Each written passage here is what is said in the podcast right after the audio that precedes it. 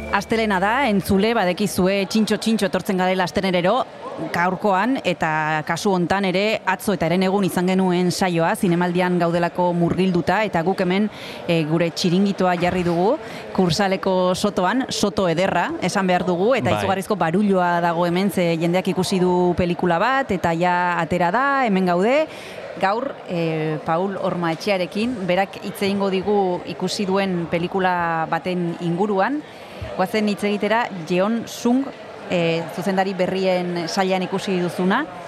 Jeon Ji Ie da zuzendaria, ez dakit ongi esan dudan, e, Ego Koreako filma da. E, Paul, zer esan dezakezu film honen inguruan, zeri buruz doa? Ba, bueno, niri gaia oso interesgarria iruditu zait.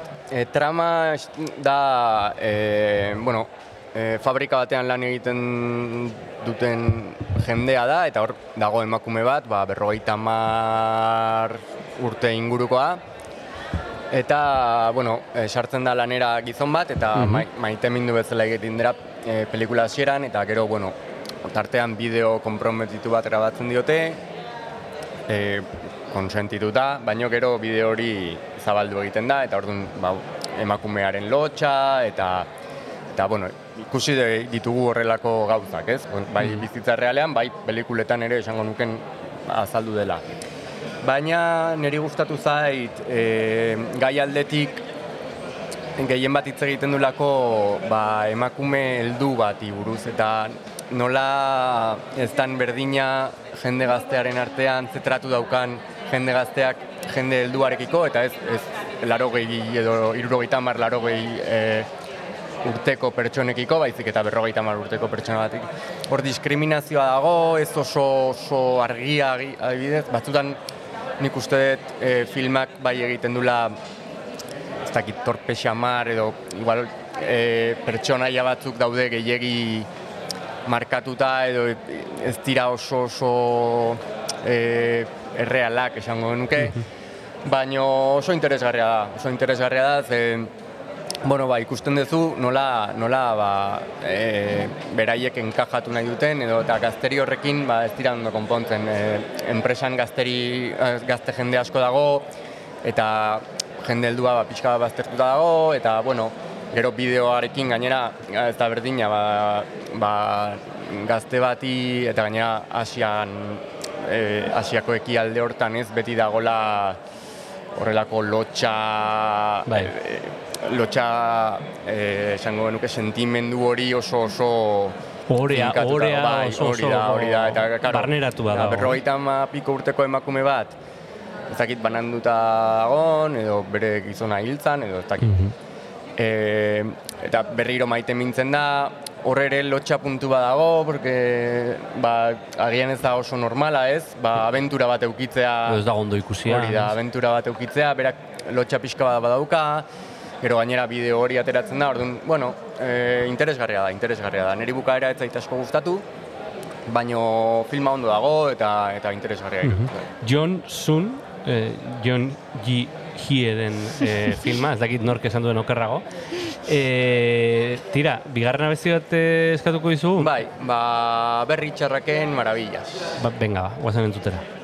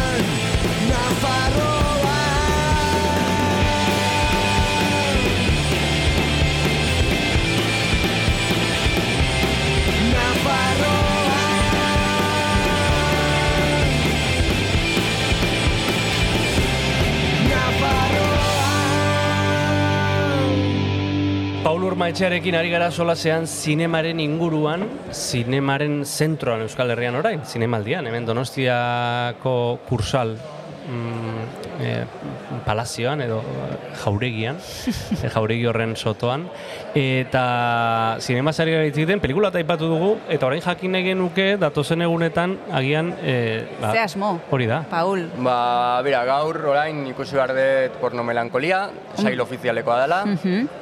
Badirudi polemikaren bat egon dela aktorearekin egun hauetan. Bai. Aktorea ez dela oso kontentu gelditu nola, Emaitzarekin. Ba, ez nola tratatu zuten. Ah, nola tratatu duten. Bai, errodajean, edo ba, zeo zer irakurri nuen Twitterren, Aha. berak, berak idatzi, idatzita, eh?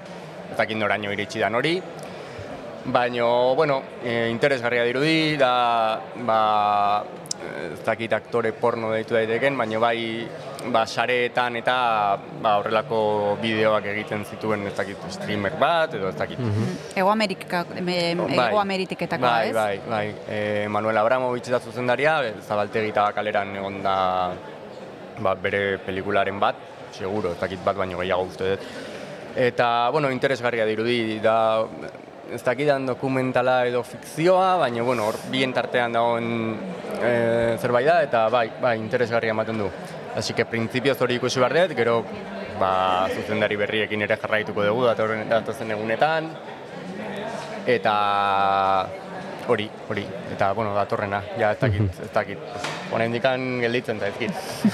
Bueno, E, egongo da e, favoritoren bat e, zurekin elean, e, pentsatzen dut, ez dakit e, zuzendari berriak sailean adibidez, e, oraindik ez dituzutenak ikusi noski, baino badaukazu zerbait e, ba, bueno, ematen Eske, duna nik- nik, favoritoa mira, izango dena edo, Eh, esango dut, sail ofizialean bat, bai? hasi Venga, a, bota. a boleo, eh? Em, Bueno, a boleo ez, Paulo Ormatxak esaten badu ez da boleo. Ni Ulrich Seidelen Hmm. pelikula apostua egiten dut, pelikula. Ez que zuzendari berrietan oso zaila zait, ez Bai. referentziarik bai. aurreko pelikuletaz, da orduan, ba, pff, ba, oso oso zaila iruditzen zait. Baina Ulrich Seidelena badirudi pederastiarekin zer ikusia duela, oso zuzendari oso zuzendari ez dakit esan arraroa berezia da, berezia. E, ba, zinemaldietan egoten dana, Bai. E, pf, niri asko gustatzen zait, austriarra da, hor janeke eta hoiekin badakizu beti mal rollo hori dauka, Bai. eta ez dakit, ez dakit. Bueno, Berak, esan eh, behar dugu epaimaia aldatu egin dela. Glenn Close izan behartzen blendakaria, ez da etorriko, arazo familiarra izan du, eta azkeneko momentuan e, santzuen e, zela etorriko, eta bere kidea, mm, Matias Mos, e, ez dakit eh, abizena ondo, bere kidea izango da lehendakaria, aldaketa horrekin agian mm, bai, erabaki aldatuko da ere. Bai, Ni idea, eh? Osea, ez dakit.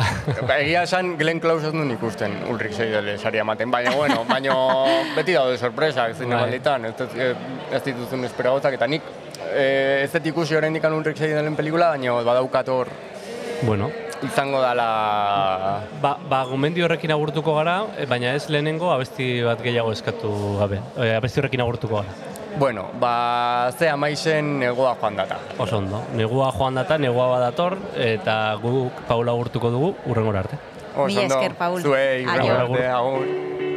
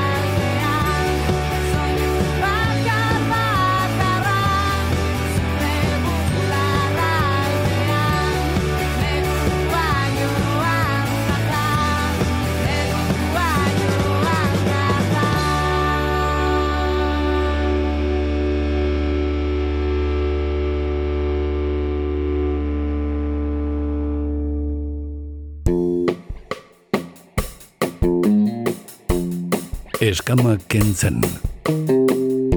Kresala zineklubaren atala.